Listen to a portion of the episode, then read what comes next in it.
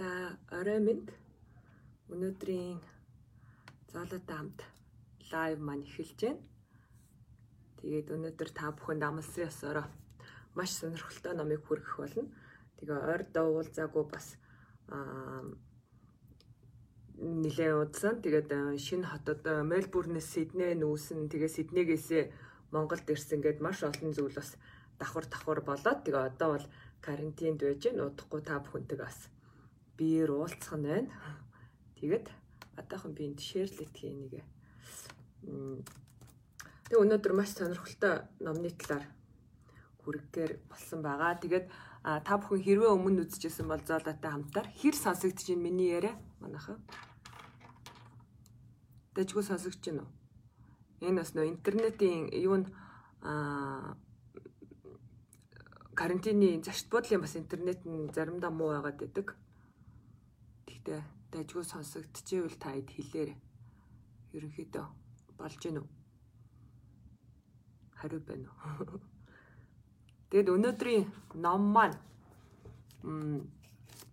а Young Kerner гэдэг хүний бичсэн She comes first гэдэг эмх одоо монголоор яг ингээд а одоо шууд махчилж орчуулвал эмхтэн төрүүлж тавьдаг гэдэг ном байгаа. Тэгээд хэрвээ та бүхэн бас номны талаарх өмнөх мэдээллүүдийг уншсан бол а ерөөхдөө бэлгийн амьдралын тухай тэр цэма эмэгтэйчүүдийн бэлгийн амьдралын тухай тэр цэма эрэгтэйчүүдэд зориулсан. А гэхдээ эрэгтэйчүүдэд зориулсан гэдэг энэ маань эмэгтэй хүн сонсч болохгүй гэсэн үг ш. Харин ч бүгдээрээ хосоороо сонсч болно, ганцаараа сонсч болно те. Тим ном байгаа. Тэгээд ерөөхдөө болохоор she comes first а thinking men's guide to pleasuring a woman гэдгцэн байгаа. Тэгэхээр ерөөхдөө а одоо илүү мэдрэмжтэй эрэгтэй эмэгтэй хүнийг эмэгтэй хүнд таашаал өгөх тухай гарын авлага гэх юм уу тийм ном байгаа. За тэгээд өнөөдөр номоо ерөнхийдөө ном маань 3 хэсгээс бүрдэж байгаа. 3 part 1 2 3 гэд эхэн дээр бол ерөнхийдөө сексийн тухай яг эмэгтэй хүний биологийн онцлогийн тухай яг бэлгийн бэлэг эрхтэн эрхтний тогтолцоо нь яаж ажиллагийн эрхтэйгээс ямар ялгаатай яахаар таашаал авдгийн ямар тохиолдолд илүү их одоо дур хүсэл, сэрэл мэдрэмж нь илүү их хүрдгийн ч гэдэг юм уу те тэр талаар ярьдаг бол хоёр дахь хэсэгт бол яг одоо яаж эмгтээдээ хамтрагч эмгтээдээ бэлгийн таашаал өгөх тухай бол маш одоо детальчилсан, наривчилсан, бүр зурагтаагаар харуулсан байдаг. За гурав дахь хэсэгт бол яаж энэ бүгдээ саяныхаа агуулгын хэсгийг илүү практик хэсэгтэйгээ хамт хослуулах вэ гэдэг. За тэгээ яг нөгөө лайвын онцлог одоо би одоо яг тэр детальчилсан одоо үзүүлэх хэсгийг одоо битэр үзүүлж чадахгүй учраас илүү би голчлон яагаад чухал, ерөнхийдөө яагаад яаж хийх чухал талаар ярилцах болох ярилцах байгаа. За тэгээ энэ ном болохоор 2004 онд анх гарч ирсэн. А тэгтээ бас тухайн номуудын одоо бестселлер номуудын жигсаалтанд орж ирсэн. А тэр үедээ бол юу гэж хэлжсэн гэхээр жишээ нь New York Times-ийн ревю дээр болохоор а эмэгтэйчүүдийн бол хилүүний бол юм нэвтрхий тол юм а гэж энэ номыг бичсэн байсан. Тэгээд ерөнхийдөө хамгийн гол нь би өмнө нь бас номын тухай дурдчихсан хэлэхэд энэ бол нөө дандаа ангаахын шинжлэх ухааны судалгаанууд дээр суурилж энэ ном болон а дээр нь одоо хүмүүсийн бодит хүмүүсийн одоо туршлагаа хуваалцсан одоо оролцогчдтой судалгаанууд дээр суурилж гаргасан учраас нэлээд бас ач холбогдол өндөртэй гэж харж байгаа.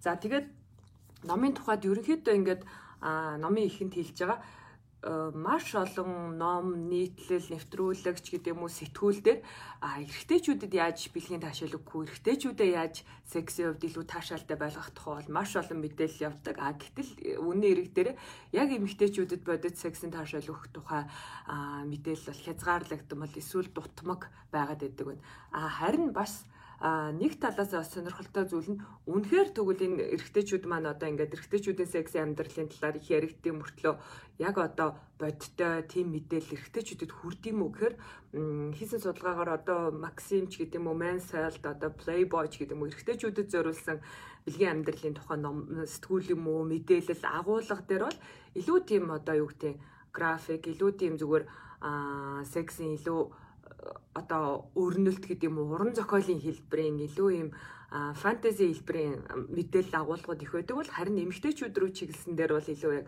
харьцангуй шинжлэх ухаанд суурилсан харьцангуй бэлгийн боловсролд суурилсан мэдээллүүд явдаг байна эмэгтэйчүүд зориулсан контентууд дээр. Тэгээд дээр нь хоорондоо эмэгтэйчүүдийн хоорондох яриа бас өөрөө эргээд харьцангуй эмэгтэйчүүдийн өөрийнхөө бэлгийн амьдралын эрүүл мэндийн тухай, бэлгийн амьдралын зан үйлийн тухай ярьдаг бол эрэгтэйчүүдийн хол илүү одоо юу гэдгийг хоорондоо одоо гайхуулсан ч байдаг юм уу эсвэл одоо тэр сексийг илүү яг одоо бодит илүү одоо хэрэгтэй бодит мэдээлэл гэхээсээ илүү тийм тойрсон хиймэл юмн дээр одоо ингээд хэтрүүлэг дээр суурилсан байдаг гэдэг маш сонирхолтой одоо контентэд бэлгийн боловсралтай холбоотой бэлгийн амьдралтай холбоотой контент дээрсэн дүгнэлт байсан. За тэгэнгუутаа бид нар ерөөсөө а угтаа бол уулын секс маань энэ оролцогч альва талууд насан турсан тэр хүмүүс аль аль нь таашаал авах тийм одоо учиртай харилцаа байдаг. А гэтэл үнийн хэрэг дээрээ энэ маань бодит амьдрал дээр болохоор бидний бодит байдал дээр өнөөгийн соёл, бурангуй соёлын ч юм уу, соёлын зарим соёлын ихтгэл үнэмшил эсвэл бэлгийн боловсролын дутмаг байдлаас болоод эмэгтэй нь бол хоёр дахь читгээд юм шиг энэ харилцаанд голлон оролцох ёсгүй юм шиг энэ харилцаанд илүү үйлчлэх хэрэгтэй юм шиг тийм хандлагууд гарч яадаг. А энэ ном бол түүнийг эргүүлж ерөөсөл эмэгтэй хүн бэлгийн таашаал авахд эрэгтэйчүүд яаж оролцох хэрэгтэй юм бэ? Нь яагаад эрэгтэйчүүд чухал юм бэ гэдэг талаар илүү ярьсан баг. За тэгээд а яагаад энэ чухал вэ гэхээр ерөөсөө сексийн үнэт байдал нь сексийн одоо илүү хамгийн гой байдал нь тэр хоёр хүн тухайн үед одоо тэр харилцаанд оролцож байгаа хүмүүс маань өөрөө эргээд бие бинийгээ харилцан хүндэтгэж байгаа. Бие биенийхээ хүсэл, таашаал, сэрэл, өдөөлт, мэдрэмж одоо дур тавих тэр зүйлсийг ойлгож мэдэрсэн, түүнийг нь хүндэлсэн тийм харилцаа байж ич илүү одоо тэр секс утга учиртай болно гэж. Тэгэхээр нөгөө түрүүний хэлсэн шиг одоо хиймэл юу гэдэг зөвхөн хайр дээр тогтно гэж хиймэл тэгээд байхаасаа илүү секс гэдэг бол илүү бодит одоо нэгдүгээрт ангаахын талаарх бид нар бидлэг бидлэг чухал байх нь би физиологийн талаарх. Хоёрдугаарт нөгөө хүнтэйгээ ярилцах чухал байна. Юунд дуртай байна юунд дургүй байна? Яавал таалагдж чинь яавал таалагдахгүй чинь Тэгээ энэ номон дээр дахин дахин хэлж байгаа зүйл бол сексийн өмнө секси явцад сексийн дараа communication буюу харилцаа чухлаа гэдэг. Тэгэхээр бид нар бас бодож үзэх хэрэгтэй. Бид нар секс хийж байхдаа хэр их ярилцдаг вэ? Хэр их хоорондоо асуудаг вэ? Хийж байгаа процессоо өмнө нь юу юу таалагдтыг хоорондоо ярьдаг вэ лүү? Хийж байхдаа одоо наадах чинь гоё байна гэж хэлдэг вэ лүү? Яадаг вэ? Хүн хүний л харилцаа өөр бах тий. Аа тэгээд хийснийхаа дараа бас энэ ямар байсан? Аль хэсэг нь ямар байв? Аль нь надад илүү таалагдсан? Аль нь надад дараагийн удаа би бас юу үзмээр юм гээд энэ communication харилцаа их чухал гэдгийг хэлж байгаамаа. За дахиад энэ номныхоо өмнө дахиад хэлж байгаа зүйл нь өмтгөлсөйтэй. Мэдээж хүн болгоны секс мэдрэмж таашаалал өөрөө давтагдшгүй. Энэ номон дээр байгаа зүйл л одоо бүх эмэгтэйчүүдэд секси таашаал өгөх одоо зүйл гэсэн үг бол огт биш. Харин энэ бол илүү судалгаан дээр суурилсан, илүү одоо ангаахын биологийн антом одоо тийм агуулгуудыг багтаасан илүү одоо нийтлэг байж болох үс хүний биеийн онцлог дээр суурилсан мэдээлэлүүд байгаа. Тэгэхээр бас хүн болгонд өөр гэдгийг бас бид нар санах хэрэгтэй.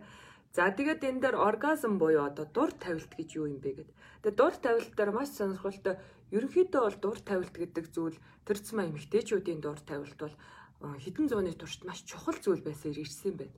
Харин 1700-аад оноос хойш бол эмэгтэйчүүдийн дур тавилт бол хоёр дахь зүйл болж хуурсан байна.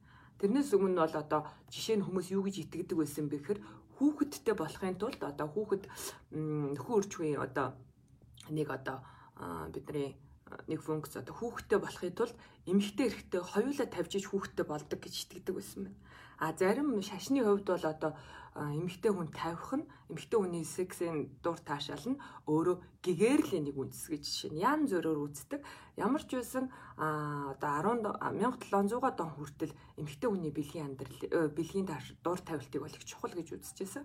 А түүнээс хойш бол харин маш олон зүйл өөрчлөгдсөн. Энэ дээр бас нэлээд томор очиж чана. Фройд жишээ нь жишээ нь Фройд бол одоо юу гэдэг эмэгтэй хүний дур тавилтыг бол зөвхөн одоо үтрэний дур тавилт гэж хардаг. Түүнээр түүнээр дамжиж одоо буюу эрэгтэй хүний дур тавилт илүү чухал. Эрэгтэй хүний одоо дур тавилт байж иж эмэгтэй хүнийх бий болно. Эмэгтэй хүний бусад төрлийн дур тавилт бол одоо яг жихэн дур тавилт биш юм ач гэдэг юм уу маш олон аа тийм агуулгууд гарч ирснээр гихмит агуулгууд гарч ирсэн эмэгтэй хүний дур тавилт бол хоёр дахь зүйл шиг харагдах болсон байна. Тэгэхээр энэ бас маш сонирхолтой байсан. За тэгээд ерөнхийдөө ингээд эргээд за тэгвэл ерөөсөө а эмэгтэй хүнийг дур тавиулахад юу чухал юм бэ гэдээ гарч ирж байна тий. За тэгээ бидний одоо бэлгийн боловсрал өмнө одоо албан албан бус боловсрал хаанаас авсан мэдээлэл энэ болгон дээр маань ерөөхдөө секси хамгийн чухал зүйл юу вэ гэхээр гэж ойлгодог вэ гэхээр бэлэг эрхтний одоо маш энгийнээр хэлбэл бэлэг эрхтний хурцл буюу 92 бэлэг эрхтэн байд юм уу да альва тэр секси харилцаанд оролцож байгаа хүмүүсийн бэлэг эрхтний тэр хурцл хавтал нь хамгийн чухал хэсэг юм байна гэж ойлгож ирчээ. А гítэл бол бид нар энийг одоо шинжлэх ухааны талаас нь яриад ингээд хүмүүсийн туршлага мэдрэмжээр яриад ирэнгууд энэ бол арай өөр гарах нь тий. Тэгэхээр юу вэ гэхээр юу гэж хэлж байгаа гэхээр жишээ нь Чикагогийн их сургуулийн судалгаагаар бэлэг эрхтний хурцлын үед хурцлын үед эмэгтэй эрэгтэйчүүдийн 75-аас дээш хувь нь дур тавьдаг бол эмэгтэйчүүдийн 30-аас бага хувь нь л дур тавьдаг гэж бэлэг эрхтний хурцл буюу одоо бид мэдж байгаа 90 бэлэг эрхтэн хоёр одоо хоорондоо хавталд орж яг одоо тухайн яг секс дотроо тэр үйлдэл маань тий энэ маань өөрөө жишээ нь эрэгтэйчүүдийн 75-аас дээш өмнө тийм одоо бэлгийн зан үйлдэлүүд тавьдаг бол эмэгтэйчүүдийн 30-аас бага хувь. Тэгэхээр энэ юу гэж хэлээд байна гэхээр эмэгтэйчүүдэд илүү тэгэхээр одоо 30-аас бага хувь нь тэгэж авдаг. Тэгвэл эмэгтэйчүүдийн 75-аас дээш хувь нь ямар байдлаар бэлгийн таашаал яг тэр цэма дур тавихыг авдаг вэ гэж хэлсэн тэр одоо хариулт маань болохоор ерөнхийдөө ангаахын талаасаа ч хүмүүсийн хариулсан судалгаа талаасаа ч хилүүгээрээ тавьдаг ба. Тэгээд маш сонирхолтой нь нөгөө нэг э, бэлэг эрхтний хорцлын үед бол одоо хилүү рүү төдийлөн хүрлцэх юм уу хилүү рүү хангалттай мэдрэмж очтгүй юм байна л да. Тийм учраас энэ юу чухал вэ гэхээр ерөөсөө бид нар ангаахын талаасаа бие мэдэх, өөрийнхөө биеийг мэдээ зогсохгүй хамтрагчийнхаа биеийг таньж мэдэх айгүй чухал юм байна гэдгийг хэлээд байгаа. Тэгэхээр одоо уламжилт тогтсон уламжилт бэлгийн харилцааны байрлал, үйлдэл зэрэг нь хилүүнд хангалттай хүрэлцэж чаддгүй тул одоо эмэгтэйчүүдийн дур тавилтыг хязгаарлагдах, хязгаарлагдах тийм боломжийг бий болгодог байна. За тэгээд хэрвээ үнэхээр энийг бол маш олон судалгаагаар хийлж байгаа. Яагаад гэвэл хилүү гэдэг маань өөрөө юу вэ гэхээр маш онцлогтой эрхтэн байгаа. Маш онцлогтой эрхтэн. Одоо та бүхэн а одоо маш олон газараас судалж үзэж болно. Жишээ Natalie Anger-ийн номон дээр Anger гэдэг эмэгтэй гэдэг. Тэрний номон дээр нөгөө нэг эмэгтэй хүний биеийн газар зүй гэдэг одоо монголоор орчуулвал тэр номон дээр бол хилүүний талаар маш сонирхолтой бичсэн байдаг. 8000 мэдрэлийн төгсгөлтэй. Энэ бол хүний биед хамгийн их мэдрэлийн төгсгөлтэй эрхтэн гэж байгаа байхгүй. А тэгээд дээр нь энэ эргэтэн маань одоо яг ингээд энэ бэлэг эргэтнийхаа ингээд бүтэн тэр хаваараа ингээд нийлэнхүйд нь тооцвол бүр ингээд 15 мянган мэдрэлийн төгсгөл тэнд байрдаг байна. А 90 бэлэг эргэтнээс 2 дахин илүү одоо мэдрэлийн төгсгөлийг өөртөө байршуулсан. Маш онцлогтой зүйл нь хүний биед эрэгтэй эмэгтэй хүний биед аль алинд нь байхгүй ганцхан тэр эргэтэнд байдаг зүйл бол зөвхөн таашаал авах үүрэг функцтэй юм хэрэгтэй.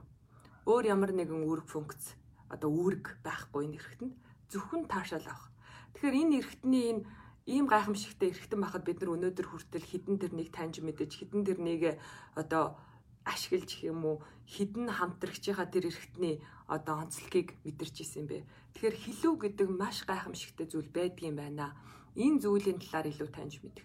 А гэтэл бид нар өнөөдөр нөгөө хилүү битгээл тэр хаваа бүтэн ч одоо нэрлж байгаа маань сэдвүлээ те.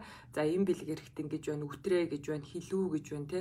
Энэ дотроо маш олон умаа гэд маш олон хэсгүүд байгаа. Энэ бэлэг эрэхтний хэсгүүд одоо эрэхтэн тогтолцооны бүтцийн хувьд. Тэгэхээр энэ хилүү гэдэг маань ийм чухал эрэхтэн байх нь байна. А хүмүүс бас бас нэг зүйл нь бол тэрийг зөвхөн одоо энэ бэлэг эрэхтний дээд хэсгийн одоо үүдний дээр байрлах тэр нууц зэсгийг бол хилүү гэж боддог. Энэ бол зөвхөн хилүүний толгой юм байна. Хилүүн маань өөрөө 18 хэсгээс бүрддэг. Одоо ерөнхийдөө юм бэлэг хэрэгтнийг давгуу ингээд байрлаж байгаа цаашаа нуугдаж байрлсан 77 хэсэгтэй. Тэг хүмүүсийн бол нөө G-spot гэж нэрлээд байдаг тэр зүйл маань үнэндээ бол тусдаа зүйл биш. Хилүүний одоо өтрээний дотор хананд байрлах тийм нэг хэсэг нь одоо G-spot гэж нэрлэдэг. Хүмүүс бол G-spot, G-spot гэдэг. Харин хэрвээ бид нар одоо хилүүний талаар илүү их мэдвэл G-spot гэдэг маань G-цэг гэдэг маань нэг л хэсэг юм байна гэдгийг таньж мэдэх боломжтой. Тэгэхээр та бүхэн бид нар ингээд бэлгийн амьдрал гэдээ ярангуй зөвхөн ингээл ор хүнжил яриад тахаас илүү ангаахын маш их мэдлэг хэрэгтэй юм байна. Бид нар бие биенийхээ өөрийнхөө биеийг олох, хамтрагчийнхаа биеийг олох маш чухал юм байна гэдгийг энэ номон дээр болон өмнө нь Come as you are тэ тэр номон дээр ч гэсэн бид нар ярьж байсан. За хэлүү бол нэг бэлгийн харилцааны үед олон удаа дур тавих боломжтой ийм хэрэгтэн байдаг. Төрүүн дахиж хэлэхэд эр бэлэг хэрэгтэнтэй харьцуулахад бол одоо цоор ганц таашаал авах үүрэг функцтэй юм хэрэгтэй юм байна тий. За эр бэлэг эрхтэн бол одоо жишээ нь юу гэдгийг а шээсийг гадагшлуулах, үрийн шингэн гадагшлуулах, секс хийх гэдэг одоо яг ингээд бэлгийн хавтлын хорцол хийх гэд маш олон үүргийн функцтэй байдаг бол хилүү бол зөвхөн таашаал авах гэж оршин бууж хүний бид байгаа ганцхан хэрэгтэй байт юм аа. За тэгээд аа маш сонирхолтой байна. Эрен бэлэг эрхтний тогтолцооны суур нь бол ижил та бүхэн өмнө нь би бас номон дээр хэлжсэн.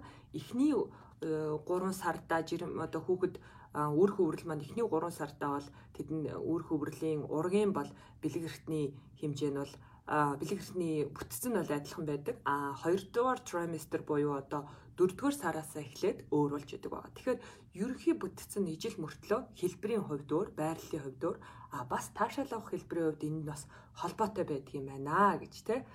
За тэгээд энэ хилүү гэдэг зүйлийг тэгвэл бид нар яаж одоо илүү танин мэдэж илүү түүнийг олж одоо зөвхөн л таашаал авах зоригтой тэнд оршин бууж яхад нь оршин байж яхад нь одоо бид нар мэдэрч гин үү тэрнийг олж таашаал нь өгч чадж гин үү тэрнтэйгээ харьцаж чадж гин үү хосынхоо хамтрагчийнхаа тэр одоо хамгийн таашаал авдаг тэр зүйлийг нь олж одоо тэр бэлгийн таашаал дуур тавихад нь тусалж чадж гин үү гэдэг нэг том асуулт төрж байгаа юм тий.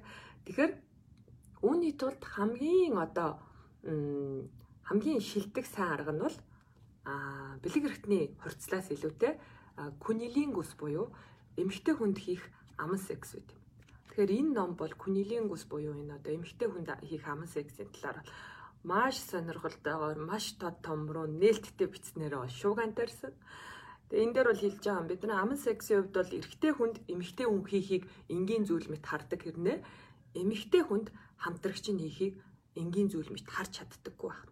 Тэгэхээр энэ л дахиад нөгөө эргээд эмэгтэй хүний бэлгийн таашаалыг хоёрдугаар тавьдаг одоо энэ уламжилт хандлагатай маань холбоотой маш олон зүйлтэй холбоотой байх нь соёлын тий.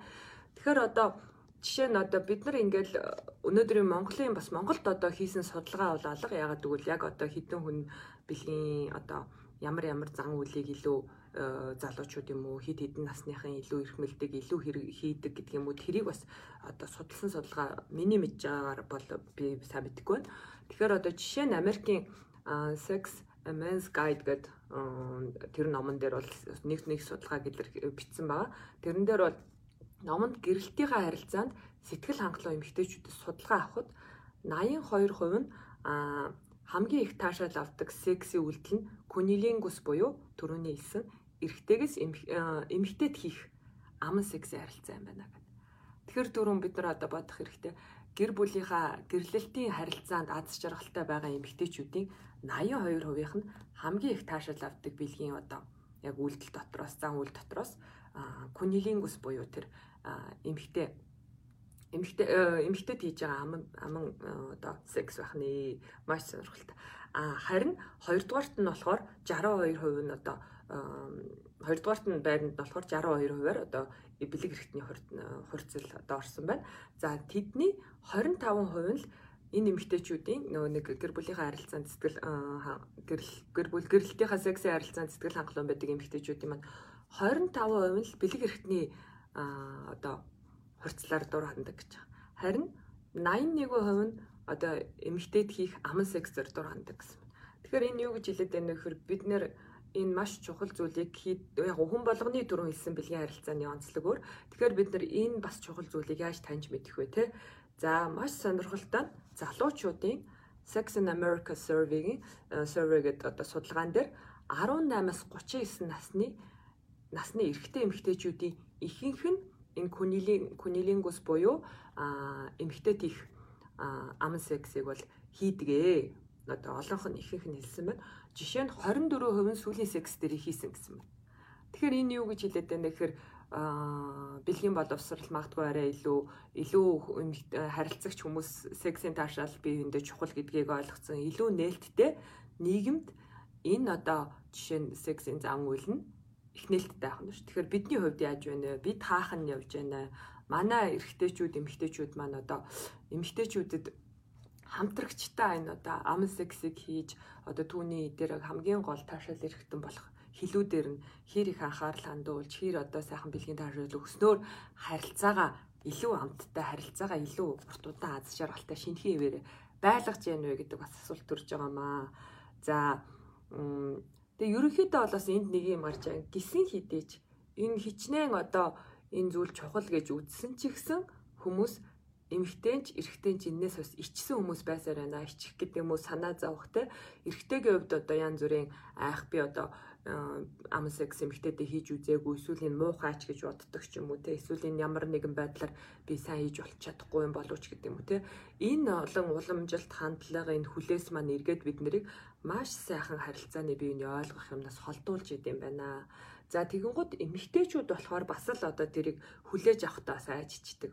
Одоо жишээ нь бидний үзэж байгаа одоо ингээл маш олон медиа дээр болохоор юу гэж хэлж байгаа вэ гэхээр а ерөөсө бэлэг э, хийх тохиолдолд одоо масс медиа буюу одоо бидний үздэг эсвэл одоо commercial media те тэр дундаа одоо юу гэдэг юм commercial porn одоо э, олон нийтэд явдаг энэ порно э, видеоч гэдэг юм. Уу эднэр дээр бол эмэгтэй хүний бэлэг хэрэгт нь тодорхой одоо зориулж тоглосон жүжигчд тоглосон одоо маш бэлдсэн байдаг. А гэтэл нөгөө хүн болгоны бэлэг хэрэгтэн бол өөр өөр хэлбэр хэмжээ, үнэр, амт байж идэг тий.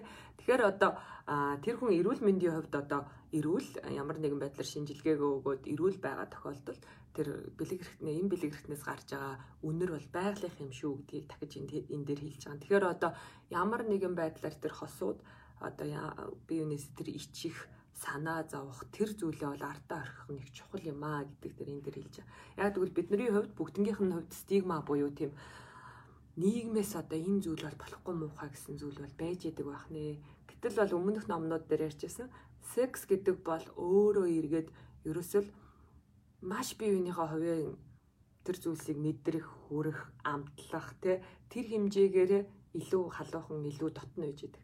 Тэгэхээр бид нар нөгөө нэг сексийг яаж хүлээж авч хийх вэ гэдэг бол маш чухал зүйл байх нэ. Энэ хосуудад маш чухал байх нэ. За тэгээд эрэгтэйчүүд энэ одоо хамтрагчтай энэ кунилингус буюу одоо одоо эмэгтэйд хийх аман сексийг бол хийхийг маш сайн суралцах хэрэгтэй байх нэ. Энэ бол одоо бас тэгэл алга эргийн зур сурчдгүй эмэгтэй ч гэсэн тэндээс таашаал авахыг бол суралцах амархан биш. Тэгэхээр энэ бол баг багаар туршиж үзэн хоёлоо төвчээртэй байх нь суралцах явц нь бас цаг авна тий. А дээр нь хэрвээ энийг одоо ингэ сурцсан тохиолдолд бол энэ бол одоо үгээр хэлхийн аргагүй тийм сайхан таашруулагч бас харилцааг илүү илүү амттай, илүү халуухан те бэлгийн амьдралыг илүү шинэлэг а дээр нь хүмүүсийн хоорондын тэр дотнослыг илүү нэмдэг гэж байна. А дээр нь хин хинийхөө хувьд өөртөө ихтэй байдал амьдралдаа аз жаргалтай байхад бол нөлөөлдөг. За тэгээд анхааруулга бас нэг зүйл байгаа. Энэ юу вэ гэхээр энэ нь бол бас бэлгийн алива аман секс бол oral sex бол бэлгийн замын халдвар дөвчний бас түгээх боломжтой. Яг одоо бэлэг хэрэгтний хурцлтай адил эрсдэлтэй. Тийм учраас бол аль болох альва сексийг аль болох одоо нэг хамтрагчтайгаа удаан хамтрагчтайгаа эсвэл баталгаатай хамтрагчтайгаа хийх зөвлөж байгаа. Яагаад гэвэл олон хамтрагчтай байх тусам эрсдэл өндөрсөн. За мэдээж тохиолдлын янз бүрийн харилцаа хүний амьдралд гарч болно. А тэгвэл тэр тохиолдолд аль болох аюулгүй хамгаалалттай сексийг санал болгож байгаа. За энэ дээр бол ерөнхийдөө бол Монголд бол байдаг хэсгийг мэдэхгүй. Бусд орнуудад бол байдгийг би харж ирсэн. Dental dam буюу одоо дам буюу одоо ийм аман секс зориулсан тийм нэг юм эрзэн тийм одоо хамгаалалт байдаг. Эрэгтэйд ч ихтэй эргэлж болно, эмэгтэйд ч ихтэй эргэлж болно. Тэгэхээр яг Монголд энэ байгаа хэсгийг би бас сайн мэдэхгүй байна. Тэгэхээр аль болох одоо баталгаатай бие бинийгээ итгэсэн, биенийхээ хувьд нээлттэй аа бэлгийн замын халдвар төвчний үед аюулгүй гэсэн хамтрагчтайгаа хийхийг бол зөвлөж байгаа шүү. Яагаад гэвэл алива аман секс нь эрэгтэй дэнүү, эмэгтэй дэнүү бэлгийн замын халдвар төвчин одоо дамжуулах, халдаах эрсдэлтэй гэдгийг бид бас санах ёстой. Тийм учраас бэлгийн хамтрагчтайгаа нээлттэй байх, ярилцах, өөр хамтрагчтай эсэх өмнө нь одоо ямар хамтрагчтай байсан, бэлгийн эрсдэлтэй ямар зан үйл хийдэг талаараа бол ярилцах нь чухал аа. Түрүүний хэлсэн communication их чухал байх нэ. За тэгээд одоо ингээд хоёр дахь хэсэг рүү орж байгаа. Сая бол ерөнхийдөө яагаад бэлгийн амьдралд одоо юу гэдэг нь те аа би энийг ойлгох чухал юм. Яагаад эмэгтэй хүний бэлгийн одоо зан үйлдэх бэлгийн харилцаа хандах дур тавих чухал юм. Яагаад орхигдоо тэр нь яг үнэндээ юунд илүү гүн хүчинд оршиж байгаа юм бэ? Хилүү гэдэг зүйлд оршиж юм байна гэ тэ. А тэгэхээр хилүүг яаж өдөөх вэ? Хилүүтэй яаж харилцах вэ? Хилүүг яаж одоо дур тавиулах вэ гэдэг талаар илүү суралцсан чухлын тухай ерөөхдөө ярьлаа. За тэгээд эмэгтэй хүний бэлгийн дур таашаал гэдэг юм уу те дур хүсэл бол ерөнхийдөө бэлгийн дур тэжээл дур таашаал гэдэг манд бол ерөнхийдөө гурван хэсэгтэй гэж энэ номон дээр бол хэлж байгаа. За одоо бэлгийн тэр харилцааны үйл явц бол гурван хэсэгтэй гэдэг. Тэгээ нэгдүгээрх нь бол foreplay буюу одоо монголоор бол оршил, core play буюу яг өрнөл хэсэг. А энэ дээр бол төгсгөл гэж хүчээ. Монголоор бол одоо оршил, өрнөл, төгсгөл гэж хэлчих штэ. Тэгэхээр more play илүү их одоо цаашаа өөр ямар одоо одоо би үнийгээ сайхан байлгах тэр боломжууд байна гэх тээ. Тэгэхээр foreplay, core play, more play гэх. Тэгэхээр энэ бүх шатанд бол дахиад эргээд харилцаа чухал юм аа хоорондоо ярилцах тээ. За тэгээд оршил гэж. Оршил гэл уламжилт секси хувьд бол оршил гэдэг бол одоо юу гэдэг сонголт хэсэг шиг санагддаг байх нь байчж болно байхгүй ч гэж болно. А гэтэл үний эрэг дээрээ илүү харилцаагаа илүү халуухан, илүү шинэлэг одоо илүү бие бинийгээ мэдэрсэн, бие биендээ таашаал өгөх. Тим секс вэ гэвэл оршил бол хамгийн чухал хэсэг юм байна. Тэр цэма энэ бол сексийн тэр дур хүслийг хамгийн их өдөөх тэр хэсэг юм байна те. За тэгэнгүүтээ энэ хэсэгт бол ингэж үчиж чаа.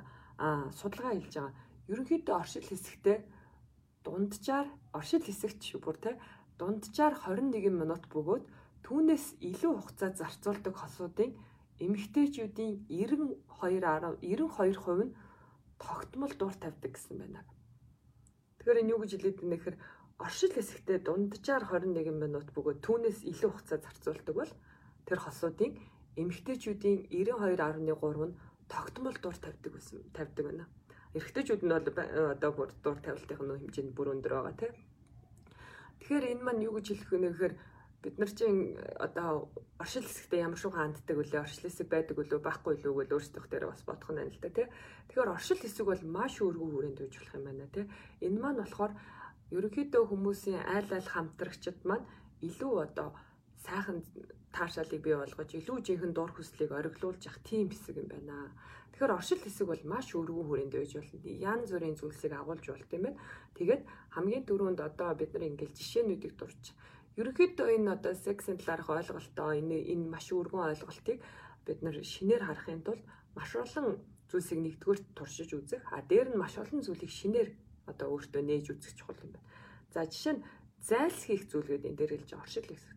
Оршил үед 10-аас 15 минут одоо дунджаар байлаа гэхэд түрүүн 21-ээс дээш бол сайн гэж байгаа. За бүр яг 10-аас 15 минут байлаа гэхэд тэр үед бол бие биенийхээ бэлэг хэрэгтэнд шууд хүрэхээс зайлсхийж бусад аргуудыг ашиглах хэрэгтэй. Тэгжээж одоо илүү өдөөж, илүү одоо tease гэдэг шүү дээ. Одоо англиар одоо юу гэдэг илүү ингэж одоо илүү өдөөхтэй, илүү одоо нөгөө хүнийгээ байж ядуулах гэх юм уу те. Тэр бол нэг чухал байна хин хиний хувьд. Тэгэхээр бол оршил гэдэг хэсэг бол шууд одоо бэлэг хэрэгтний шууд хүрэлцэх биш илүү өөр өөр юмнууд болох. Жишээ нь одоо нэг зүйл нь бас нэг зайлсхийх нэг цохол зүйл нь бол э, яарахгүй байх. Секс гэдэг бол одоо нэг яарал хийгээд өнгөрчдөг зүйл заримдаа болчихсон байдаг. А гэтэл бол илүү бид нар сексийг бас хин хиндэ утга учиртайгаар хин хиндэ бас арай өөр өөр шинээр хийж үзье гэвэл энэ бол яарахгүй байх их чухал юм байна. А гэхдээ бид нар мэдж байгаа өмнөх номон дээр хэлжсэн контекст буюу тэр байгаа нөхцөл байдал маш их нөлөөлдгөө одоо байгаа стресс, санаа зовнил те нөхцөл байдал ямар орчин орон зайд хийж байгаа одоо оюуны хувьд хэрэг санаа зовнил, стресс байгаа гэд маш олон зүйл нөлөөлдөг. А гэхдээ аль болох энэ тийм биш орчныг бүрдүүлж аль болох нөгөө түрүүний өмнөх номон дээр гарч ирсэн бэлгийн хувьд таны хаа зөгөх тэр одоо машинаар бол хаа зөгөх орчныг бүрдүүлж аль болох одоо тоормослох гэх тэр зогсоодог тэр зүйлсийг багасгachиж аль болох цаг хангалттай өхөн чухал гэдэг энэ дээр хэлээд байна. Тэгэхээр оршилт бол одоо цаг хангалттай өхөн чухлаа. За жишээ нь одоо оршилт юу ээж болох вэ гэхээр жишээ нь хамтдаа усанд орох гэж байгаа. Усанд орох. Би нэгэ усанд оруулж өгөхтэй тэр хэсэг бол яагаад гэвэл бэлгийн альч зам үйлд ариун цэвэр чухал тул энэ үеийг илүү таата болгох жишээ нэг хэлбэр юм а тий. Тэгэхээр бол одоо аа одоо нөгөө нэг түрүүн хийлсэн байгаа. Одоо түрүүн хин хинэн ариун цэврийн байдлын хувьд хин хинэн одоо бие биенийхээ хүндлэх хувьд бие биенийхээ таатай тэр тухтай тэр харилцаанд орохын тулд хин хин одоо ариун цэврийн хувьд бол тий жишээ нь тийм байж болох юм. За дараагийнх нь түүний биед одоо хүрэхтэй биеийг ингэж таашаа ил. Ягаад гэвэл хүний биеийн арьс гэдэг бол одоо гадаа байгаа энэ бүрхсэн арьс гэдэг бол хамгийн одоо секси бас дуртачаалтай эрхтнүүдийн нэг гэж. Тэгээ тэр тусмаа маш сонирхолтой юм харсан. Ерөнхийдөө хүний биеийн мэдрэлийн төгсгөлүүд, мэдрэлийн эсүүд маань эрэгтэй эмэгтэй хоёр хүний одоо биеийн хувьд ижил төстэй тоотой байдаг юм байна. А гэхдээ эмэгтэй хүн арай жижиг биетэй учраас физиологийн хувьд илүү мэдрэг одоо нөө мэдрэлийн эсүүд нь одоо энгийнээр хэлбэл арай нягт орсон гэх юм уу. Тийм учраас эмэгтэй хүний биеийн арьс бол илүү мэдрэг, илүү одоо таашаал авдаг. Тийм учраас бас бие бинийгээ илэх, бие бинийгээ биеийн бүх хэсгийг нь одоо таашаал өгөхөөр илэх үнсэх тий одоо юу гэдгийг долоох ч гэдэг юм янз бүрийн тэр хосуудын юу дуртай байж болно түүнд нэг хүний бие бол өөрө бүтнээр бас одоо маш тийм секси зүйлээ гэж хэлж. За тэгээд бас нэг сонирхолтой зүйл нь оршил хэсэг дээр бас ярьж байгаа тэр орчин гэх те магадгүй маш олон тохиолдолд бас хүмүүс гэрэлтэд их дургүй байж магадгүй хосон нөгөөх нь гэрэлтэд их дуртай байж болно тэр тохиолдолд магадгүй шийдэх арга нь жишээ нь лаа байж болж чинь те гой лаа тавьсан гой дуртай хөгчмөө тавьсан те лаа бол одоо бүдэг гэрэлтэй мөртлөө биенийг харах мэдрэх биенийг тэр таашаалаас яаж мэдэрч байгааг харах боломжтой юм орчин байх нь. Тэгэхээр лаа байж болно те. За тэгээд дахиад энэ хэлж байгаа нь communication буюу тэр харилцаа маш чухал юм шүү энэ үед те. За Red Book сэтгүүлийн судалгаагаар 100 мянган гэрэлсэн 100 мянгаад гэрэлсэн эмэгтэй дундах судалгаагаар гэрлэлтийн болон бэлгийн харилцаанд сэтгэл хангалуун байсан одоо эмэгтэйчүүдийн гол хэмжүүр нь нөхөртөөгөө бэлгийн харилцааныхаа үед харилцааныхаа талаар нээлттэй ярилцдаг гэсэн. Тэгэхээр ярилцдаг байх тусам бэлгийн харилцаа нь илүү таашаалтай байсан. Тэгэхээр энэ яриа нь ямар байх хэвээр гэхээр нээлттэй бие бинийгээ шүүхгүй эерэг ярилцлах нь чухал гинэ. Тэгэхээр одоо хамгийн түрүүнд л одоо хосууд байвал анханасаа чи юунд дуртай те. Тэгэхээр манай соёлд хэр ихтэй манай одоо энэ бэлгийн боловсролын үед манай бэлгийн зан үйл өөр юм бас нэг бидний өнөөдөр бий болгоцсон байгаа нэг тийм нэг калчер байгаа шүү дээ. Тэрэнд маань ярилцах хэр байдаг үлээ та бүхэн бид бас сайн бодох хэрэгтэй. Тэгэхээр эхлээд өмнө нь ярилцах юунд дуртай, юунд дургүй, яаж хийвэл дуртай байдгүй те. А дунд үед нь бас ярилцах те. Одоо таалагдчих гинүү, таалагдахгүй байна уу, ингүүл тэгж гинүү, тэгвэл ингэж гинүү.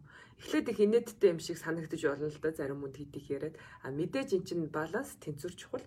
Одоо бүр их их яриад авахгүйш хаяа хаяа одоо мэдэрч ярилцах. А дээр нь дараа нь бас ярилцах. А энэ ярилцлага бол ямар нэгэн байдлаар би нээл э, шүүхгүй тийм ярилцлага байдаг байна.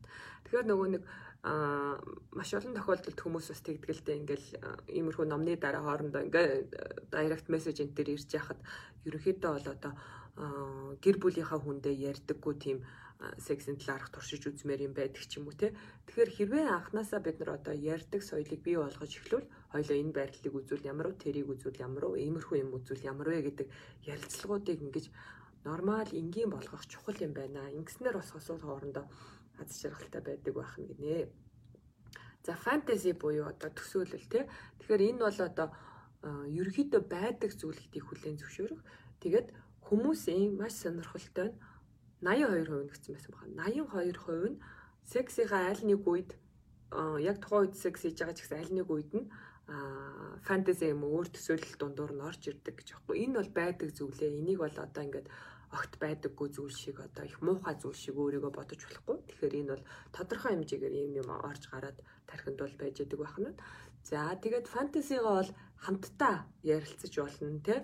Одоо тэрийг жишээ нь кино үзэж болно, тэртэй холбоотой өгүүлэлэг үзэж болно, одоо өгүүлэлэг уншиж болно ч юм уу хамтдаа эсвэл дүр хувирах те. Дүрд хувирах бол одоо магадгүй зарим хүнд инээдтэй юм шиг санагдаж байгаа боловч энэ бол маш шинэлэг одоо зүйлийг өгдөг гэж хосуудад бол бас нэлээд гардаг байгаа олон зүйл төр. Тэгэхээр бол дүр хувирч яг тэр магадгүй фэнтезигийн хувьд яг тэгвэл бид нар ах уу дээр маш олон зүйлээрээ холбогдсон байдаг. А тэгэнгүүт нөгөө секс маань тэр зүйлийн маань магадгүй Өстой нөгөө нэг 106 дахь асуудал болсон тий. Одоо ахын дээр юу гэдэг хүүхдийн цэцэрлэг, байрны мөнгө, одоо юу ч гэдгийг маш олон асуудал байхад секс болохоо нэжидэг. Харин бид нар дүр туурахад бол тэр ахуй асуудлуудыг орхиод яг тухайн дүрийн хүмүүс болтгоороо бас шинээр бие биенээр учирдгаараа маш сонирхолтой. Тийм учраас бас дүр туурах жишээ нь байж болно гэж байна.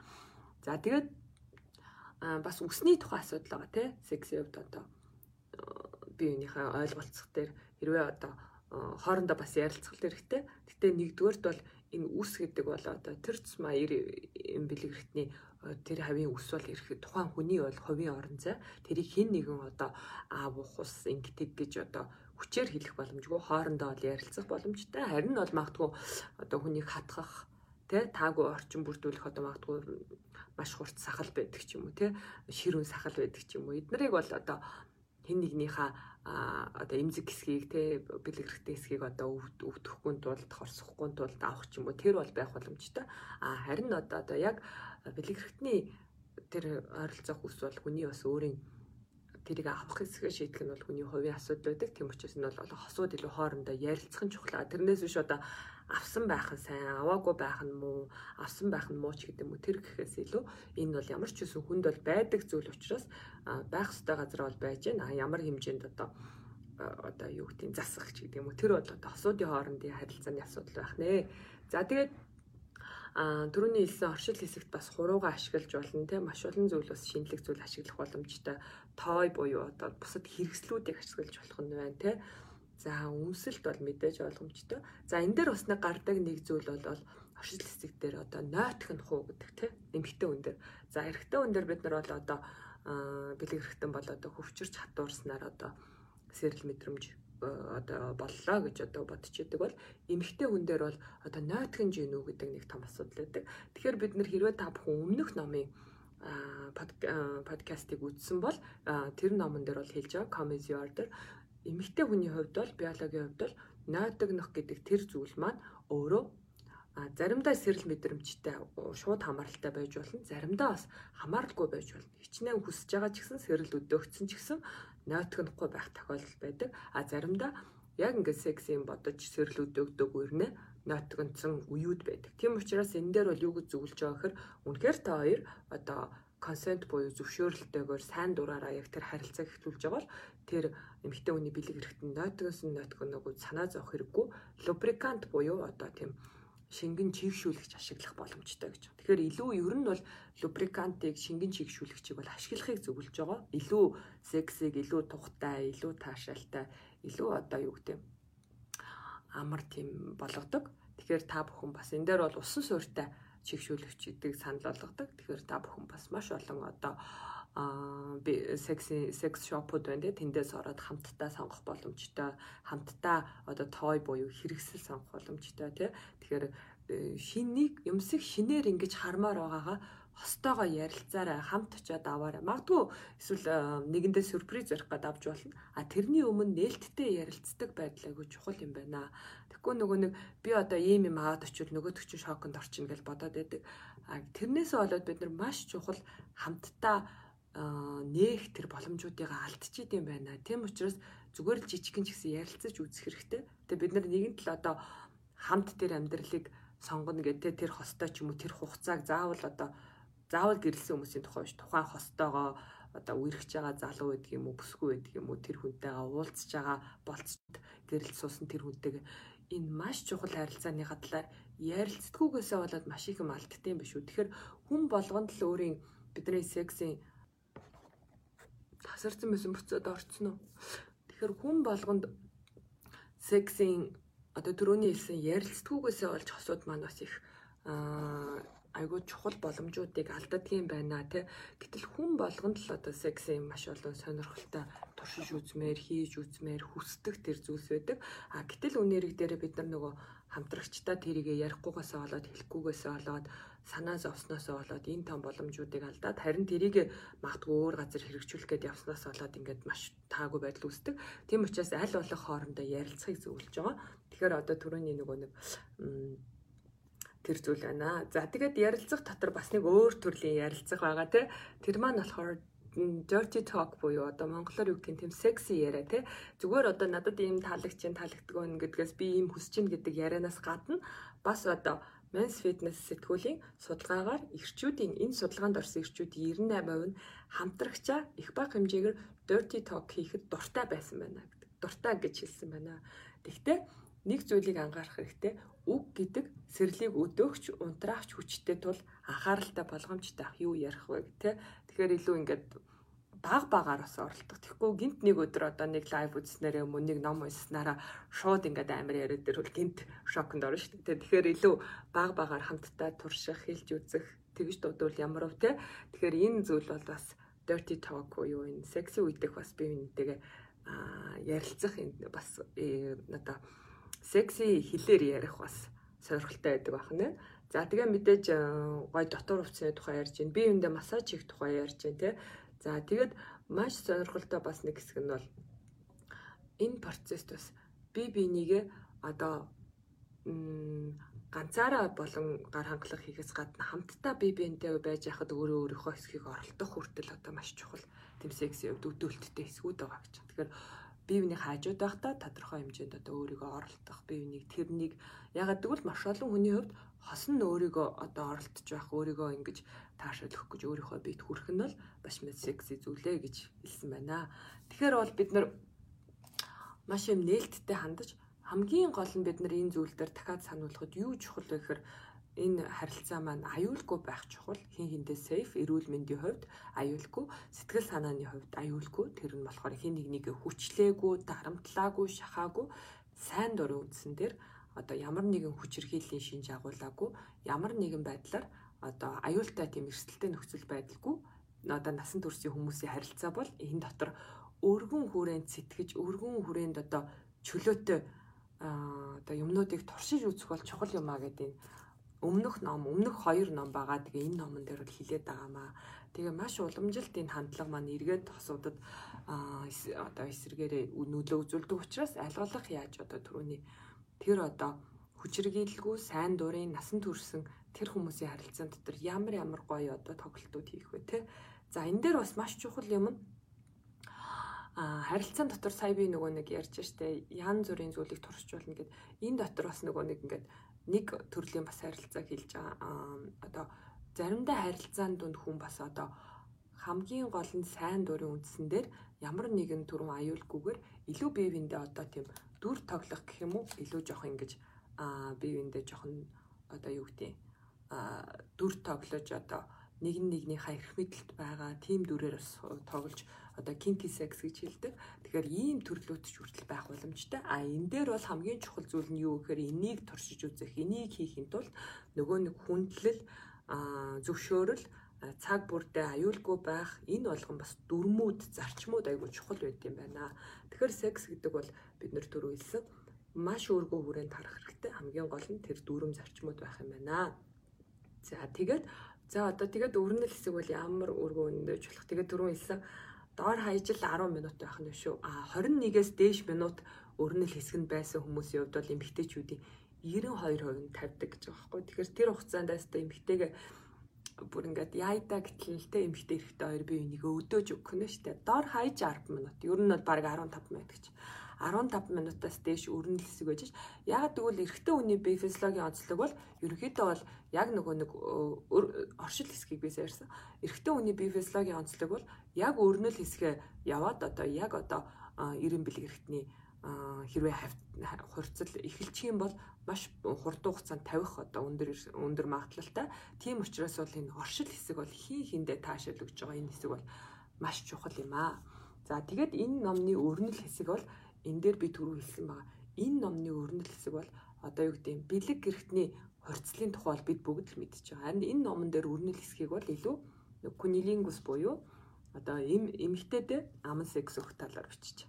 За тэгээд энэ аман секс өгөх талаар яагаад чухлын талаар те яагаад энэ маань өөрөө эмэгтэй хүнд маш их таашаад өгдөг талаар нэлээд бичнэ. Тэг хамгийн гол нь энэ дээр одоо ингээл маш одоо наривчл жишээ нь нөгөө нэг эмбэлэг хэрэгтнийг ингээл зургаар дүрслээд үзүүлсэн байна те а нөгөөх одоо яг тэр үйлдэл үзүүлж байгаа ч гэсэн маш олон чухал зурагчилж үзүүлсэн ба тэгэхээр би тэр болгоныг нөгөө ингээд лайваар тайлбарлах хэцүү учраас та нар бас илүү видео хичээлүүд тэр хэсгийн деталийн хэсгийг бол үзэх боломжтой аа тэгээд харин илүү нөгөө нэг одоо ингээл ийм байрлалуудаас те ингээл янз бүрийн байрлалуудаас аа би бол харин ерөнхийд нь илүү ярина. А хоёрдугаар хэсэг бол ингээд та нарт хэлэхэд бол энэ маш детальчилсан. Яг ямар үед нь яаж хуруугаа хөдлөхүү те.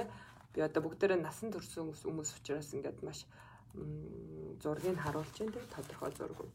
Тэгэхээр бол ингээд аль хэсэгт нь илүү өдөөлт байх уу? За түрүү хэлсэн байгаа ерөнхийдөө энэ бэлгэрхтэн бол 18 хэсгээс энэ бэлгэрхтэн биш хилүү бол 18 хэсгээс бүрддэг гэж.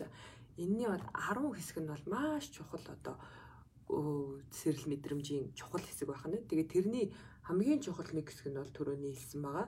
Тэр clitoral head буюу хилүүний толгой хэсэг. Энэ маань өөрөө одоо би зурган дээр харуулъя л да. Хилүүний толгой хэсгийг өдөөх нь бол маш чухал юм байна. Хүүд гэж нэрлэдэг байгаа тийм. Энэ одоо эмбэлэг хэрэгтний энэ бэлгийн баг уруулын дээр ингээд дөнгөж дээрхэн одоо дөнгөж ингээд арьсаар ингээд одоо нуугдчихсан байгаа. Энэ хилүүний толгой хэсэг бол хамгийн их мэдрэг хамгийн одоо олон мэдрэлийн төгсгөлийг өөртөө агуулж байгаа хэсэг учраас энэ хэсэг дээр бол маш болгоомжтой. Гэхдээ маш одоо зөөлөн гоёор хүрээд энэ маань өөрөө хилээрээ ингэж хүрэж одоо хилээрээ энэ ч нэ илүү ажиллаж өгснөөр бол эмэгтэй хүнд маш өндөр зэргийн таашаал төхнө. Тэгээ хэлээд ийм өндөр мэдрэмжтэйгийнхаа хажуугаар маш одоо зөв темп хэмнэл хүчтэйгэр хүрэхгүй бол муухай чанга хөрвөл юм уу огцом хөрвөл бол мэдээж таагүй байдлыг бол мэдрүүлнэ. Тийм учраас илүү одоо хамтдаа энэ дээр эмэгтэй нэг сайн фидбек буюу одоо хариу хэлж явах хэрэгтэй. За одоо гэж байгаа энэ дээр одоо юу гэдэг аа салчгүй толгойг одоо эргэтэйгээ сайхан чиглүүлж өгөөд хаана нь хөрвөл таашаалтай яаж одоо хөрвөл хилээрээ те дээшөө доошоо байх юм уу хажуу тийшээ байх юм уу гэдгийг ингэж хилж ярилцаж өгснө наадах чинь болж гин болж гин илүү одоо юу гэдгийг те илүү гүн ингээд хилээрээ хурч гэдэг юм уу ингээд маш их тийм харилцаа чухал юм байна. Тэгжиж би энийг олно тий. Тэгэхээр ерөнхийдөө бол эмгтээчүүдийн бол гар хангалгын үед хамгийн чухал одоо хүрэлцэж байгаа тэр хэсэг маань одоо бас хилүү байдаг шүү дээ. Тэрнтэйгээ адилхан яг энэ одоо эрэгтэй нь аман секс хийж явах үе эрэгтэйг бас чиглүүлж яагаад гэвэл эрэгтэй хүн чинь нөгөө нэг одоо их тухайн аман секс хийж байгаа хүн бол нөгөө хүнийхээ яг мэдэрч байгааг бүрэн мэдрэх боломжгүй яавал мэдрэх вэ гэхээр нөгөө хүн хэлж өгөх хариу үйлдэл үзүүлэх таата байгаагаа одоо ямар нэгэн байдлаар биеэрээ илэрхийлэх те таата байгаагаа өөрийнхөө илэрхийлэмжээр илэрхийлэх үгээр илэрхийлэх биеийн хилээрээ одоо энэ болгоноор илэрхийлэх нь чухал юм байна. Тэгэхгүй бол одоо нөгөө хүн нь доор ингээл таашаал өгөх гээд байгаад байдаг. Нөгөө дээр байгаа хүн нь огт хариу үйлдэлгүй огт одоо ямар нэгэн контактгүй байвал маш хэцүү байх шүү дээ. Тэр чи одоо ямар ч найдвар юу харилцаа байхгүй бол те. Тэгэхээр энэ бол чухал юм байна. Хоёр дахь маш мэдрэг хэсэг бол нөгөө нэг яг одоо үтрээ буюу одоо бид нар ингээд дотор нь ороод үтрээний дөнгөж дэш яваад үтрээгээр дөнгөж ороод ингээд урд байрлаж байгаа хан дээр байгаа одоо юу хэсэг аа G spot гэж хэлээд байдаг. Зургийг G spot гэж хэлээд байдаг. Тэр хэсэг маань үүд юм байна.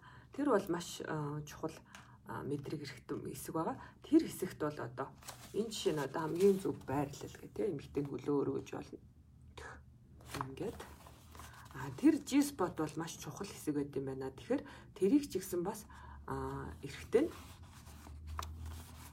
эрэхтэн одоо хуруугаараа хүрэх боломжтой. А дээр нь одоо нөгөө энэ дээр нь гараа мэдрээд дээр нь бол яг G spot-ыг бол хуруугаараа ороод олох боломжтой. Тэр үед нь бас бид нар ингэж чиглүүлж хилж өгөх нь чухал байх нэ.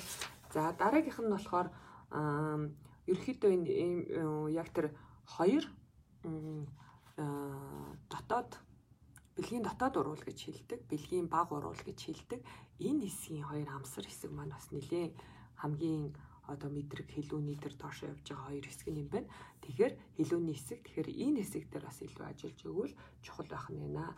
За тэгээд маш сонирхолтой бас нэг хэсэг энэ одоо ингээд те гуруугаараа төрөний G spot руу хүрээд а хилээрээ бол өөрөө дээр хилүүний толгойн дээр одоо ингэж одоо даралт өгч хүмүүсэх юм уу, долоох юм уу одоо хилээрээ ажилласнаар бол маш одоо бидний жишээ нь юу гэдгийг энэ дээр бол чичж байгаа л да айскрим идчихэж байгаа юм шиг те зармиг идчихэж байгаа юм шиг ингэж одоо зөөлөн таашаалтайгаар хүрэх хамгийн гол нь ритмэ мэдрэх тэр ритмийг бол бид нар мэдж байгаа удаанаас эхлээд хурдан хүртэлтэй илүү яг энэ дээр бол илүү наривчлсан. Тэгэхээр YouTube бас видеонуудын талаар хичээлүүд байдаг. Тэрийг үзэх хэрэгтэй. Гэхдээ илүү нөгөө нэг тэрийг хийж явах магадгүй энд иймэрхүү асуудал дээр бол илүү яг хичээлээс илүү хандлага нь байгаа цагт хамтдаа хоёулаа бас бие биенийг нээх бие биендээ нээлттэй хандах энд ерөөсөө ичид зовлгүй хамтдаа тэр зүйлийг заримдаа алдан эхлээд бүтлгүүт нь эхлээд болохгүй байна. Тэгээд дараа нь илүү суралцсан тэр нэг юм ямар нэгэн шүүлтүргүүгээр нээлттэй хандах их чухал байдгийн байна гэдэг. Энэ номон дээр ч байгаа ингээл өөрийн ч гэсэн ингээд бидний туршлагуудаас харахад тийм байдаг байгаа. За тэгээ ерөнхийдөө энд бол 6 яг тэр үндсэн хэсэг дээр бол 6 гол зүйл гол үе шатууд байгаа гэдэг би зөв товчхон дурч. Нэгдүгüрт бол ерөөсөө л тэр хамгийн анхны хилээ одоо хилээрээ аман секс эхлэхдээ хамгийн анхны зүйл нь бол тэр нэг ритмийг олох, яаж хөдлөх, яаж хүрэх, тэр ритмээ олох. Хоёрдугаар дээр нь болохоор яаж одоо тэр энэ тэр хилгүүнд бол илүү нарийн илүү татгшаага өрөх. Энэ дээр бол нөгөө төрөний хуруугаа ийгээд нөгөө нэг төрөө хуруугаараа бас одоо G spot-од хурж болно гэж байгаа ш тэ. За дараагийнх нь хэсэг бол а илүү одоо дараа нь нөгөө нэг илүү босоогоор vertical буюу босоогоор илүү хилүүгээ хилээ ажилуулж исэн бол одоо horizontal-аар буюу хөндлөнгөөр ажилуулж эхлэх юм байна л да. Тэгээд илүү тэр хэсгийн бүх одоо хэсэгтэй харьцаж те юм бэлэг хэрэгтний бүх тэр хэсгийн таашааж биенийхээ тэр үедээ байнга л нөгөө нэг хүнтэйгээ одоо тэр одоо зөвхөн тэр доор л ингээд байгаад давхш тэр хүнтэйгээ харьцах хүн маань ч гэсэн өөрөө эмэгтэй маань ч гэсэн доороогоо хүнтэйгээсээ харьцаж өгнө байна. Энэ үед бол хин хинийх нь хувьд бол communication чухал. Заавал тэрийг communication-ийн одоо харилцааг нь заавал заримдаа үгэн заримдаа үгнээс өөр өөр тэр харилцаанууд би энийг ойлголцох, би энтэйгээ хамт байгаагаа мэдрэх нь чухал байх нэ. За За ингээд бүр э, дөрөвдүгээр шатанд болохоор яг ингээд бүр илүү ингээд нөгөө нэг номон дээр болохоор бүр аа ингээд 5 секунд дараа тэгээд дараа нь ингээд cycle тойрог үүсгээд дахиад ингээд 5 секунд гээд ингээд бүх хуруугаа оруулна гэж маш их наривчилсан аа зааврууд өгнө. За тэгээд 5 дугаар үе шат нь болохоор дур тавилтын өмнөх үе шат гэж байгаа. А 6 дугаар үе шат нь болохоор яг дур тавих мөч гэдэг. Тэгэхээр ер нь бол дур тавихт бол маш олон тохиолдолд бид нар бол нөгөө дур тавилтыг одоо юу гэдгийг соёлын үүднээс заримдаа бид нар фейк оргазм гэдэг те тавьж байгаа юм шиг болох худлагаасаа тавих ч юм уу тийм нөхцөл байдлууд учирдаг. А үний хэрэг дээр дуур тавилт гэдэг бол юугаар мэдэгдэн гэхээр наацх нь зүрхний цохол, дамсгааны өндөржилт те одоо тэр хүний булчингийн чангалалт яагаад гэвэл өөрөө энэ тавилт гэдэг маань өөрөө бас тэнд байгаа булчингуудын contraction буюу агшилт энтэй холбоотой тийм үйлдэлүүд байгаа биеийн хариу үйлдэлүүд те тэгэхээр энэ болгонтой нэлээд холбоотой байдаг учраас хэрвээ бид нар одоо жихнээсээ тавьж байгаа бол бас ямар мэдрэмжүүд ирэх вэ гэдэг талаараас энэ дээр нэлээ нарийн ярьсан ба. За тэгээд нөгөө цаг маань дуусж байгаа болохоор би бас дуусах дөгч байгаа болохоор энэ нөгөө сүүнд маш хурдан цаг явж байна те. Сүүлийн хэсэг more play буюу тэгэхээр нөгөө нэг одоо ингээд энэ энэ номон дээр түрүү хэлсэн шүү дээ. Зөвхөн бид нар бол одоо юу гэдэг бэлгийн бэлэг эрхтний хурцлын талаар бол бид нар маш их ингээл ярьж ирсэн, сонсож ирсэн. А энэ дээр бол ерөөсөө л аман сексийн тухай, эмэгтэй хийж байгаа аман сексийн тухай ярьж байгаа учраас одоо харин жинхэнэ магадгүй одоо эмэгтэй маань тавьсны дараа бол энэ дээр нэг хэлж байгаа нь эмэгтэй хүн шийдлэгөөний талаасаач одоо биологийн талаасаач эмэгтэй хүн нэг тавьсан бол хоёр дахь тавилт бол дур тавилт бол маш амархан хоёр дахь гурав дахь дөрөвт хэд байдیں۔ те тэр дур тавилтууд бол маш амархан болдог учраас эхний дур тавилт дээр бол хин хин хамтдаа хичээх хэрэгтэй. Түүний дараа бол маш амархан дур тавилтууд явагддаг. Нэг сексийн одоо бэлгийн үйл ажиллагааны үед. Энийний дараа харин одоо жинхэнэ магадгүй одоо нөгөө нэг өмнөх энэ сайхан хэсгийн өрнөл хэсгийн дараа одоо бэлэг хэрэгтний хорцлыг хийх бол илүү хоёулаа зэрэг тавих, хоёулаа дахиад одоо хамтдаа бие биенэрийг мэдрэх ийм боломжууд байх нэ. Тэгээд энэ дээр бол одоо дахиад эмэгтэй хүний биеийн физиологийн нэг онцлогийг хэлж байгаа. Эмэгтэй хүн бол эрэгтэй хүнийг бодвол нэг дуур тавилтын дараа маш хурдан эргэж одоо дахиж тур тавих боломжтой байдаг. А эрэгтэй хүний бол биеийн онцлогоос шалтгаад тодорхой recover буюу буцаж нөхөгдөх хугацаа хэрэгтэй байдаг. А эргээд нөгөө нэг юу гэдэг физиологийн хувьд эрэгтэй хүн бол секс хийсний дараа генет маш ихээр ядардаг нь бол ингээд тэр хүн альбарт гэж байгаа юм биш. Илүү одоо би физиологийн онцлог учраас үнэхээр их нойрон хүрдэг байж болно те. Маш их ядардаг байж болно. Энерги нь гинт барагддаг те. А гэхдээ энэ дээр бол аль болох би үнийг хосуудыг эсвэл би үнийг бас дэмжих ойлголцох үүднээс аль болох би үнтэйгээ хамт байгаарэ гэж байгаа те. Тэгэхээр илүү хэдэн минут жоохон ярьдаг ч юм уу тэр талаараа жирийн яриа өрнүүлдэг ч юм уу би энийгээ тэрвэрдэг ч юм уу өсдөг ч юм уу энэ харилцаанууд бас чухал байх нэ. За тэгээд эргээд ингээ хэлэнгууд ерөнхийдөө бол энэ эмэгтэй хүнийг эмэгтэй хүн зориулсан аман секс хийх энэ зүйл бол маш чухал зүйл юм а. Бидний сексийнхаа нэг хэсэг болгох те. Тэгэхээр эрэгтэй эмэгтэй харилцаан дээр бие биендээ аман секс хийж өгөх бол маш чухал харилцаа. Тэгээ эргээд санахад бол энэ бол бас нөгөө бэлгийн замын алдарт өвчний эрсдэлтэй байдаг учраас сексийн аюулгүй байдлыг бол байнга тооцох хэрэгтэй. Аль болох одоо хувьд аюулгүй хамтрагчтай энийг хийх хэрэгтэй гэдгийг үргэлж санаарай. За тэгээ энэ үедээ эрчүүд маань юу ямар гурван зүйлийг эргээд бодох хэрэгтэй вэ гэхээр ерөөсөө л одоо зарчим гэдэг юм уу энэ сүлд хамгийн сүлд хэлэхэд нь эмэгтэйгийнхээ доошоо явах нь чамайг ч өдөөж байгааг мэдрэх а тэр таашаал авч байгаа нь ч чамд таашаал өгч байгааг мэдрэх гэдэг. Тэгэхээр бол юу гэдэг эрэгтэй маань өөрийнхөө дур тавилтыг төр хоршлуулад эмэгтэйгээ жаргаах, эмэгтэйгийнхаа дур тавилтыг харах, эмэгтэйгийнхаа дур тавилтыг ойртуулах нь өөрөө эргээд тэр эмэгтэйгийнхаа дур тавилтыг харж байгаа нас чамайг илүү өдөөж, чамайг илүү таашаалж, чамайг илүү аа мэдрэмжтэй ирэх хүн болгож байгаа гэдгийг санах хэрэгтэй гэж байна. Хоёрдугаар нэг чухал зарчим нь яарах зүйл байхгүй гэдгийг санах. Дур тавихад дур тавихад бус яг тухайн мөчтөө таашаал авахтаа анхаараа гэдэг.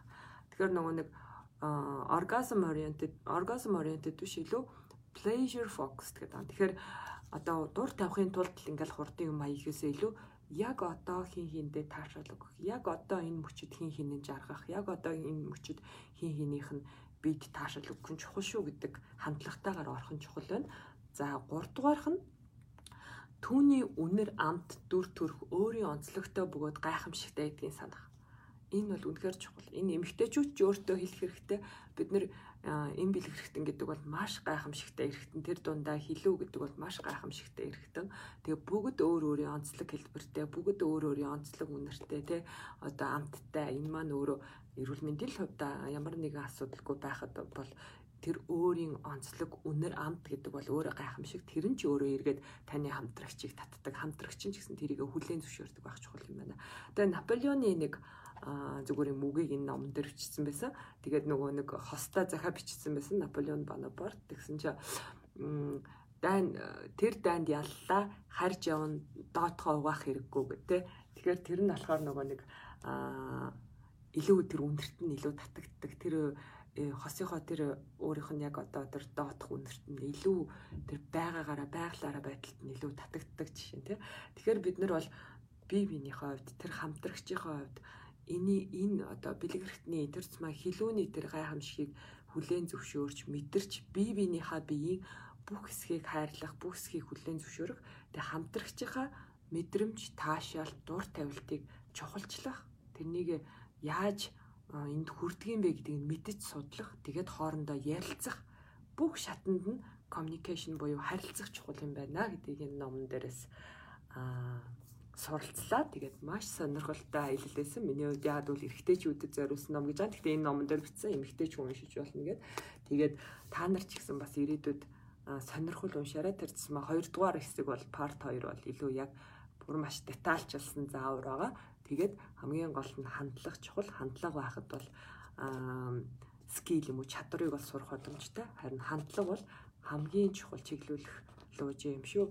Ингээд та нараас аа секси хувьд нээлттэй чөлөөтэй биенээсээ хостойгоо илүү ил тод тэгж ярилцах нь илүү их аз жаргал бие бинийгээ хүндлэнлэх нь илүү их аз жаргал ахнаа. Тэгээд дараагийн номороо уулзцгаая. Баярлалаа. Тэгээ хүмүүс шеэр ич түгээгээрээ тэгээд миний бас YouTube сувгийг бас subscribe хийгээрэй, подкастыг минь subscribe хийгээрэй. Тэгээ та нартай одоо бол подкаст таслахгүй илүү их байнга хүргэх болно. Тэгээ баярлалаа. Та нар асуух юм байна уу гайгүй юу? Тийм ном байгаа. Маш их мэдлэлийг агуулсан учраас би бас богино хугацаанд ярьлаа.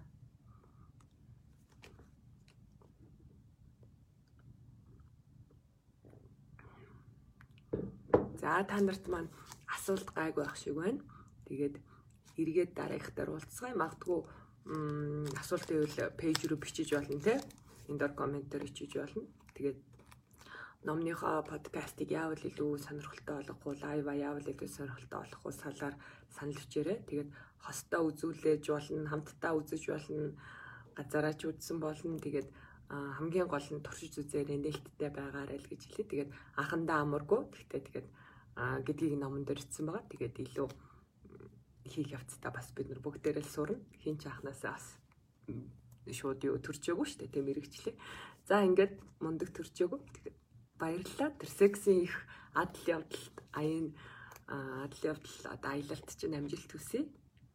Баярлалаа. Эргээд уулзцгаая. Бүгдэнд нь хамт байсан баярлалаа. Удахгүй боддоор уулзцгаая. Карантинаас гараад уулзцгаая.